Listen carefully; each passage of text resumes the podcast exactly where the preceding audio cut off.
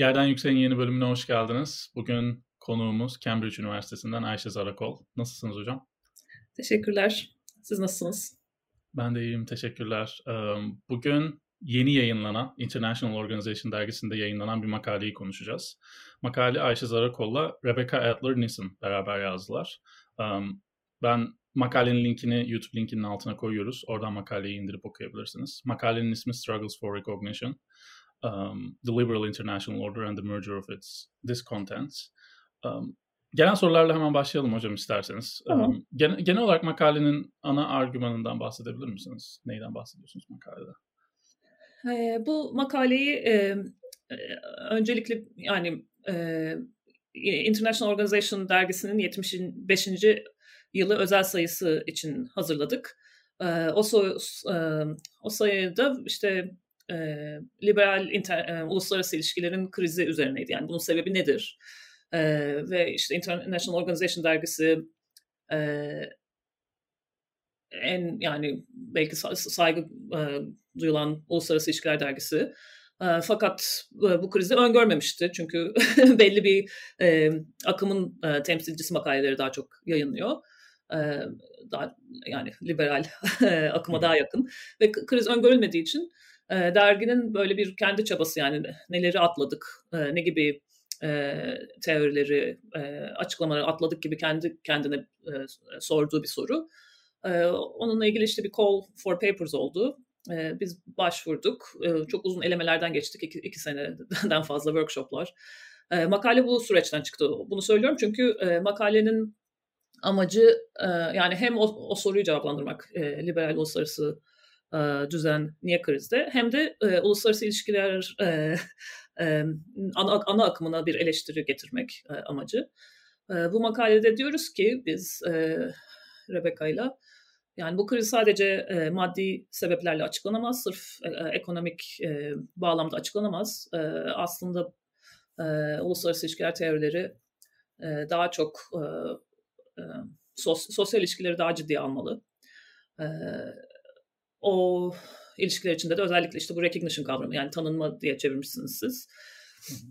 Ben tabii Türkiye'de sosyoloji çalışmadığım için kavramların Türkçelerini de çok çok iyi bilmiyorum ama işte recognition dediğimiz yani kabul görme diyelim. E, aktörler e, kabul görmek istiyorlar, tanınmak istiyorlar diğer aktörler tarafından.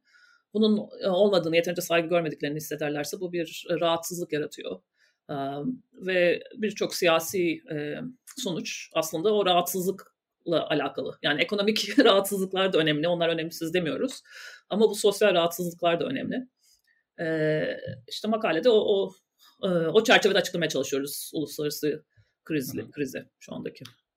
Ya evet makalenin genel olarak ana evet bahsedilen ana fikir e, uluslararası liberal düzenin bir sıkıntı içerisinde olduğu, e, bir tanınma sorunu, kabul edilme sorunu olduğu ve bunun Şimdi burada ilk sormak istediğim şu aslında. Burada bahsettiğiniz recognition'la bizim genelde gördüğümüz uluslararası ilişkilerdeki devletlerin tanınması, devletlerin kabul edilmesi arasındaki fark ne tam olarak?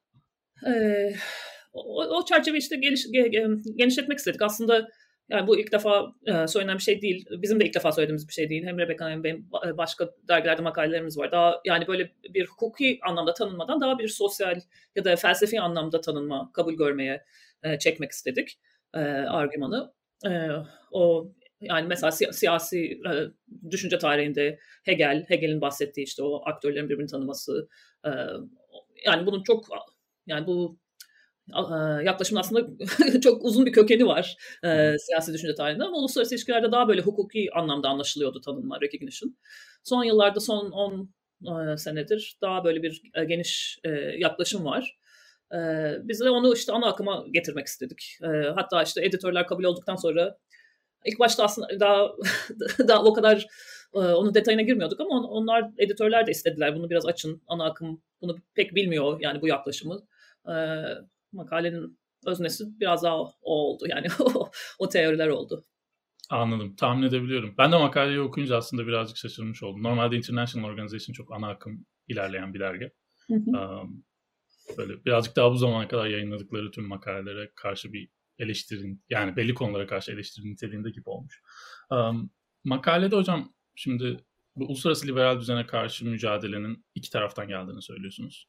Um, ilki merkezde Batı devletlerindeki um, popülist liderler ve bu liderlere oy veren kişiler. İkincisi de um, yarı çevre dediğimiz, herhalde yarı çevre diye çeviriyoruz. Um, oradaki otoriter devletler ve otoriter devletlerin uh, destekleyicileri. Um, burada şimdi merkez um, ve yarı merkez derken tam olarak neyden bahsediyorsunuz? Hangi devletlerden bahsediyorsunuz? Ondan birazcık bahsedebilir misiniz? Bir de bu memnuniyetsizlik yani liberal uluslararası düzene karşı olan bu mücadele her iki yerde nasıl ortaya çıktı? Birazcık o süreçten bahsedebilir misiniz? Evet. E, yani bizim e, ana akımda ikinci bir şikayetimizdi. Genelde e, yani Batı ve Batı'da olanlar e, ayrı inceleniyor ve e, dünyanın diğer tarafında olan gelişmeler ayrı inceleniyor. Makaleler birbiriyle konuşmuyorlar gibi bir şikayetimiz de vardı. E, o yüzden bu makalede diyoruz ki aslında bu tanınma, bu recognition kavramını kullanarak yani aynı aynı kavramı, aynı e, yaklaşımı kullanarak e, dünyanın değişik yerlerinde olan birçok şeyi e, aynı kavramsal e, düzende açıklama şansımız var. Yani recognition kavramının öyle bir faydası da var diyoruz. Burada yani bu makalenin özelinde işte Batı yani mer- merkezde olan o popülizm tartışmalarıyla sırf kendi başlarına inceliyorlar genelde International Organization gibi dergilerde. Ve işte bu yarı ne dediniz? Yarı yarı çevre. Yarı çevre diye çeviriyor. semi, semi periphery dediğimiz e, gelişmeleri. Ya orada semi periphery dediğimiz e, liberal düzene e, bir şekilde girmiş, kabul olmuş en azından bazı e, kurumlarında yer alan ve üyeliği olan ülkeler ama aslında tam Batı'ya ait olmayan ya da orada kendilerini e, rahat hissetmeyen, Batı'dan yeterince e, kabul gördüğünü düşünmeyen ülkeler yani böyle tanımladık. Daha çok işte Doğu, Doğu Avrupa yani sırf otoriter değil otoriterleşen belki e, Polonya, e, Macaristan, e, Türkiye ve özellikle Rusya'nın özel, özel bir yeri var bizim e, e, makalemizde. Çünkü bu iki, iki yani Batı merkezdeki e, gruplarla e, bu e, yarı çevredeki e, devletler arasında gidip geliyor. İki tarafa da e, iki tarafın da beğendiği hareketlerde bulunuyor gibi e, Rusya özellikle. E, bunlara baktık yani çünkü e, eskiden liberal e, literatürde şöyle bir düşünce vardı. Liberalizm her şeyi çözdü. E, bütün tehdit dışarıdan gelecek, işte Çin'den gelecek. Onları bir şekilde entegre edebilirsek e, liberal düzen sonsuza kadar sürecek gibi böyle bir optimizm çok iyimser e, bir e, düşünce vardı. E, işte yani biliyorsunuz tarihin sonu falan gibi e, kavramlar. Bizim işte göstermek istediğimiz aslında yani liberal düzeni e, aşındıran şey içeriden geliyor. Hem hem batı batıdan, e, merkezden hem de e, liberal düzenin içinde gibi olan, içinde gibi olan ülkeler aslında e, düzeni şu anda aşındırmakta. Çünkü aslında yani o memnuniyetsizlik hep vardı. E, o tanınmama ya da tanınma şeklinden memnun olmama Batı merkez için.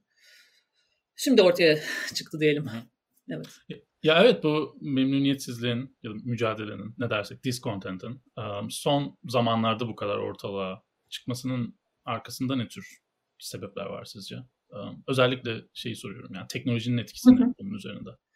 Evet işte aslında makalede buna çok giremiyoruz. Makale e, aslında o öyle bir yerden çıktı ilk başta. Yani bu kadar te- teorik çerçeve oturmadan önce. E, diğer yazar Rebecca Adler-Nissen'ın bir e, Avrupa Birliği fonlu projesi var. E, Diploface diye. O sosyal medyanın e, etkilerini, e, diplomasi etkilerini çalış, çalışan bir proje. Ben de o, o, o projede yer almaktayım e, araştırmacı olarak. Zaten o, o konuşmalardan çıktı sosyal medyanın etkileri. Yani sosyal medya sebep değil. E, çünkü e, makalede çeşitli e, şeylerden bahsediyoruz. E, anketlerden, e, yani daha yerimiz olsa daha çok da bahsederdik de yani genel bir memnuniyetsizlik var. E, hiçbir zaman liberalizm batıda bile tamamen kabul edilmiş bir şey değil. Genelde sessiz gruplar var e, sistemi, düzeni kabul etmeyen. E, zaten yarı çevre dediğimiz Doğu Avrupa, Türkiye gibi yerlerde zaten yani e, liberalizm, liberalizm olarak belki hiçbir zaman kabul edilmedi. Hani Batı, Batı, Batı ile beraber olalım üzerinden e, dönen tartışma var ama liberalizme çok bayılıyoruz gibi bir şey yok yani zaten. E, o memnuniyetsizlik hep var ama ortaya çıkmasının, şu anda ortaya çıkmasının konjektürel sebeplerinden biri e, sosyal medya ve sosyal medyanın bu grupların birbiriyle konuşmasını kolaylaştırması. Başka tabii sebepler de var işte ekonomik 2007-2008 ekonomik krizin etkileri. Yani çeşitli niye şimdi derseniz çeşitli sebepleri var. Sosyal medyada bunlardan biri. E, yani Rebecca hala bu sosyal medyanın etkileri üzerinde postdoklarıyla çalışıyor. Başka makalelerde daha da detaylı olarak e, onu gösterecek. Hı hı. Um, şimdi birazcık da şeye bağlamak istiyorum. Um, uluslararası ilişkiler teorilerine daha çok ana akıma ve dış politikaya özellikle. İlk olarak şimdi makalenin başlığı liberal uluslararası düzenle alakalı. Sizin bahsettiğiniz liberal uluslararası düzen de bizim ana akımda gördüğümüz, liberal teorilerde gördüğümüz liberal ulus, uluslararası düzen. Bunlar aynı şeyler mi? Benzer şeylerden bahsediyorsunuz. Yani zaten işte dediğim gibi bu yani özel bir sayı olduğu için 75. yıl sayısı olduğu için bize liberal uluslararası düzen hakkında e, konuş dediler. Biz de o, o, o şey kavram üzerinden gittik. Yani öyle bu demek değil ki ben yani Rebecca için konuşmayayım da kendim için konuşayım. Yani liberal uluslararası düzen diye bir şey var mı yok mu? Ee, çok tartışılabilir bir şey. Ben zaten son yıllarda birçok workshop'a katıldım. En, liberaller bile artık taştılar. Gerçekten var mıydı? Bunu nasıl tanımlarız? Yani bu demek değil ki e, makalede biz böyle bir düzen vardı diyoruz. Ama kendine böyle bir isim veren bir düzen olduğu kesin.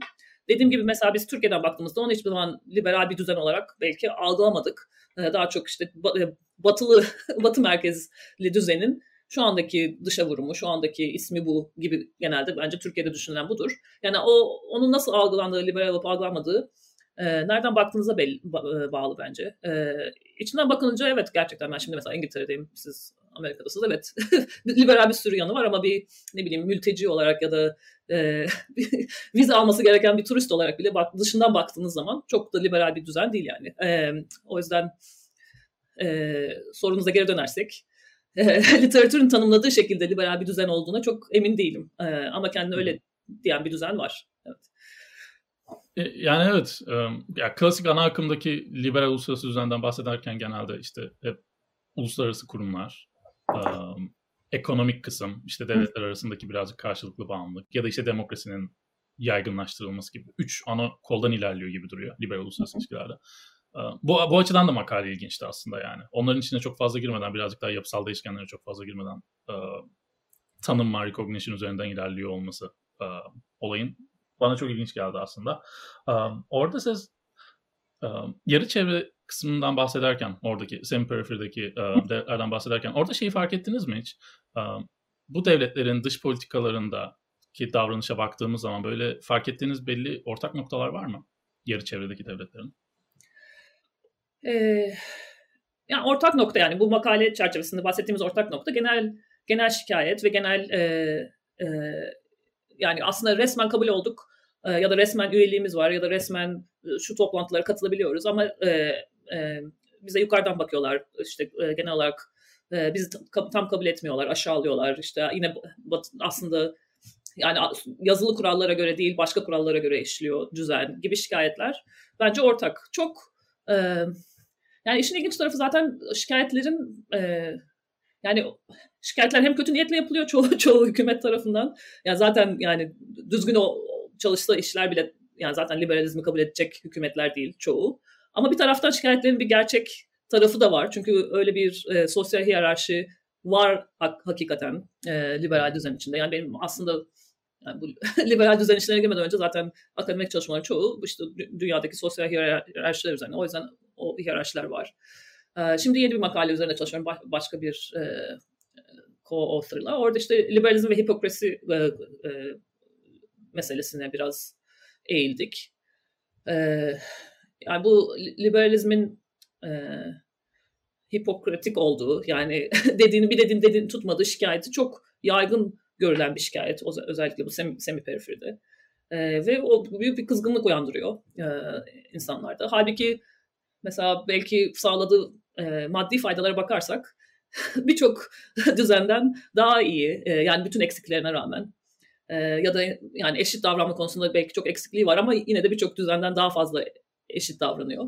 Ama bir şekilde o e, e, çok şey söz vermesi liberalizmin, onu o e, söz verdiği şeyleri tam olarak e, başaramaması insanlarda bir kızgınlık uyandırıyor. Onu, yani o semal perifide onu, onu görüyorum.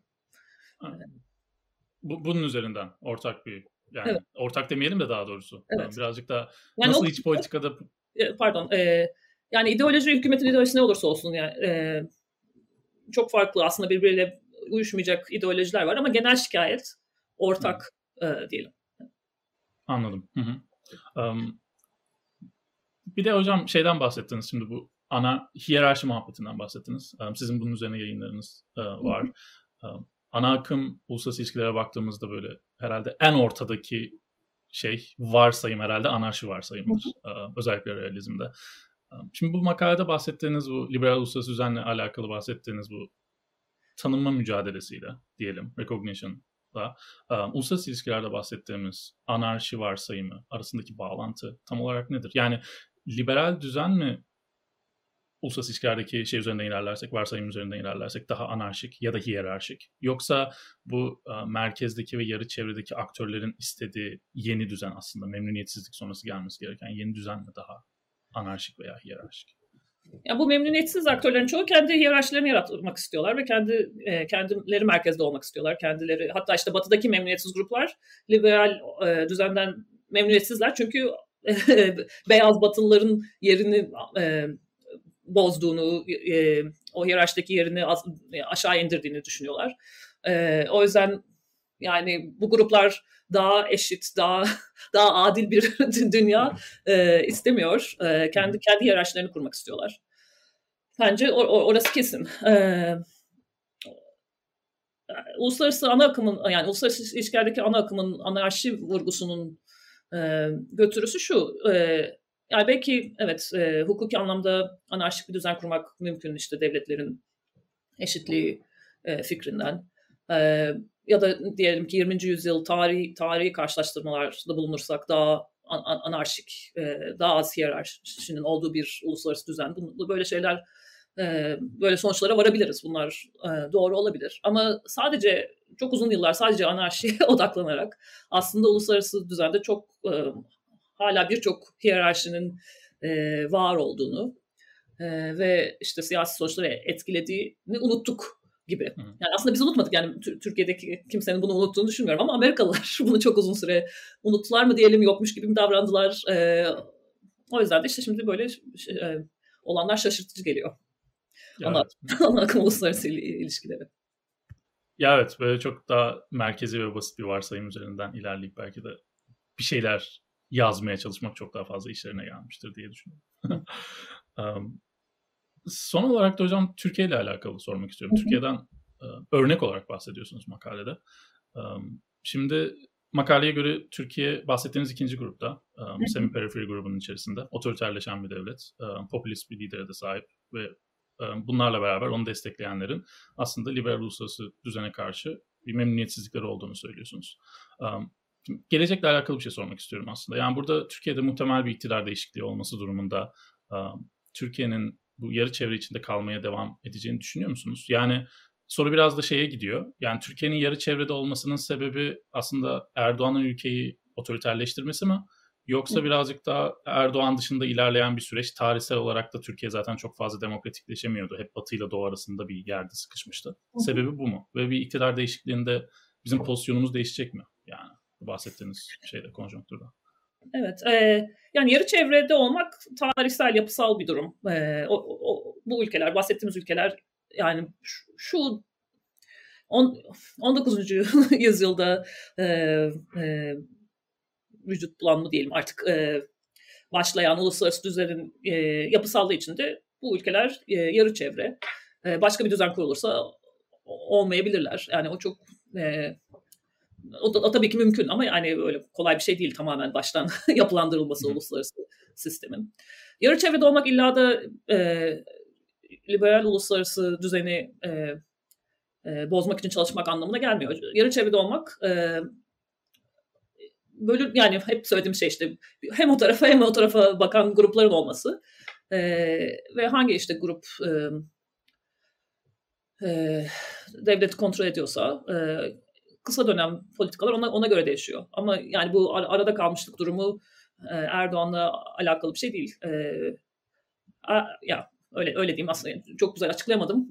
Kusura bakmayın e, dinleyicilerden de özür diliyorum. Bu konuları Türkçe konuşmaya hiç alışık değilim. Bu vesilede özür özür dileyim. Yani Yok hocam dediğiniz tam olarak anlaşıldı aslında. Yani tarihsel bir süreçten dolayı evet, biz yarı çevrede olduğumuz için muhtemelen e, iktidar değişikliği durumunda da e, bu pozisyonumuzla alakalı bir şey İktidar, yani iktidar değişikliği işte mesela Rusya'yla e, Macaristan'la yani o ilişkileri değiştirebilir. Onlarla onlarla mı daha yakın duracağız yoksa ne bileyim e, Batı merkeze yaklaşmak isteyen e, yarı çevreyle mi daha yakın duracağız? Çünkü iki, iki, iki, iki grupta e, var yani mümkün. İki, iki yolda mümkün. Anladım. Um, teşekkürler hocam. Şey eklemek istediğiniz bir şey var mı? Son bir soru sormak istiyorum doktora süreciyle alakalı ama ondan önce makaleyle alakalı eklemek istediğiniz bir şey var mı sizin? E, makaleyle ilgili e, dediğim gibi işte bu yani makale daha çok böyle bir e, sayfa açmak gibi düşündük yani en azından ana akıma bu teoriler e, girsin bir haberleri olsun. E, o yüzden yani bir başlangıç inşallah dedim yani hem Rebecca hem ben bu konularda çalışmaya devam ediyoruz. Başkaları da. E, daha çok yapılacak araştırma var bu konuda daha e, daha empirik araştırmalar da mümkün yani bu te- teorik çerçevede. Anladım. Hocam son olarak bu şimdi bize izleyenler genelde siyaset bilimi hocaları oluyor ya da siyaset bilimi öğrencileri oluyor. Öğrencilerden de genelde işte lisans son sınıf ya yüksek lisansa başvurmak üzereler ya doktoraya başvurmak üzereler. Özellikle doktoraya başvurmak isteyenler için yani bu akademik yola girmek isteyen arkadaşlar için önerileriniz var mı hiç? Ee, nerede olduğuna bağlı. İngiltere mi, Amerika mı, Türkiye mi? Ee, işte yani mesela Amerika'da işte siyaset bilimi doktorası yapmak için e, çok daha güçlü işte quantitative background yani eğer teorik olmayacaksa birkaç yerde teo, daha, daha teorik. Bilmiyorum siz siz nasıl e, buluyorsunuz Amerika'daki ortamı. Benim doktoram Amerika'dan. E, İngiltere daha kualitatif tarihsel yaklaşımlar e, daha yaygın ikisi de var. E, o yüzden şey yani şey iyi seçmek lazım sırf sırf üniversitenin ismi değil aslında yani o üniversitede kullanılan yaklaşım uluslararası ilişkilere ya da siyaset bilimine e, size uygun mu? Onu düşünmek lazım belki. Ee, hı hı. E, ya da emin değilseniz belki e, daha eklektik bir program seçilmeli. Benim doktoram e, Madison'dan, University of Wisconsin Madison'dan çok e, çok sesli bir bölümdü. herkes her, her, her telden, herkes ayrı telden çalıyordu ama o benim için iyiydi yani çünkü böyle illa herkes bir şekilde yapacak gibi bir e, durum yoktu. Benim için doğru seçimdi. Yani, tabii o, o yaşta çok ne yaptığımı ben de bilmiyordum ama şanslıymışım. E, ona bakmak lazım. Çünkü eğer o uyum olmazsa e, insan mutsuz oluyor. E, yani sırf kariyer değil, yani, uyumu da düşünmek lazım. Ya evet. tamamen katılıyorum. Ben de sizinkine benzer bir durumdayım aslında. Amerika genelde çok kantitatif ilerliyor ama benim okulum da böyle eklektik. Çok kalitatif discourse çalışanlar da var. Kantitatif yapanlar da var. Oyun teorisi yapanlar da var. Dolayısıyla istediğimiz yöne birazcık daha evrilebiliyoruz. O metodolojik yani bölümün metodolojik yatkınlığı bence de en önemli şeylerden birisi olabilir herhalde. Özellikle Amerika'da bir yere başvurmak isteyenler için, evet. doktoraya başvurmak isteyenler için. Hocam çok teşekkür ederim. Çok güzel bir makale. Ben bu vesileyle okumuş oldum. Uluslararası, İlişki, Uluslararası Organizasyonlar Dergisi'nde böyle bir makalenin çıkmış olması daha da güzel. Yani bize çok fazla uluslararası ana akım öğretiliyor ama başka şeyleri de okuduktan sonra işte bu international security, international organization gibi yerlerde insan birazcık şeyden bıkıyor. Çok ana akım fikirleri görmekten. o açıdan makaleyi okumak güzel oldu. Yayın da güzel oldu bence. Çok işte teşekkür şey, ediyorum size. Eklemek istediğiniz bir şey var mı? Son bir şey söyleyeyim. Ee, bu böyle kriz dönemlerinin tek faydası var ama akım biraz açılıyor. Çünkü nerede yanlış yaptık, bunu niye göremedik gibi böyle bir e, bir durum oluyor. E, bakarsanız mesela 90'larda işte Sovyetler Birliği e, çöktükten sonra bir açılış var, açım, açılım var. Şimdi de bir açılım var. O yüzden öğrencilere şanslarını, ana akım dergilerde şanslarını denemelerini e, tavsiye ederim. Eğer ana akıma tam uymayan şey, iş, işler yapıyorlarsa da şu anda bir ee, daha bir e, açıklık var e, değişik fikirlere ya da daha böyle e, eleştirel söylemlere. O yüzden e, çekinmesinler, de, şanslarını denesinler. Ya evet yani alanın muhtemelen en iyi dergisi International Organization. En iyi dergisinde bile böyle özel bir sayı yaptılar. Çok ana akım dışında. Bence de yani ana akım dışı fikirlerin gönderilmesi çok daha mümkün muhtemelen şu sıralar yayınlanması bu tarz makale. Um, çok teşekkürler hocam. Teşekkürler. Çok teşekkür ediyorum. Seyircilerimize de çok teşekkür ediyorum izledikleri için. Önümüzdeki haftalarda görüşmek üzere. İyi günler. Teşekkür ederim.